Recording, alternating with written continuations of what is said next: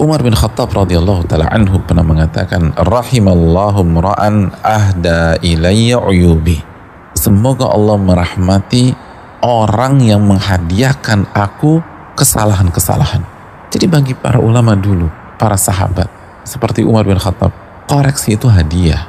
Kalau kita salah kita dikoreksi itu hadiah. Ketika kita salah dinasa itu hadiah.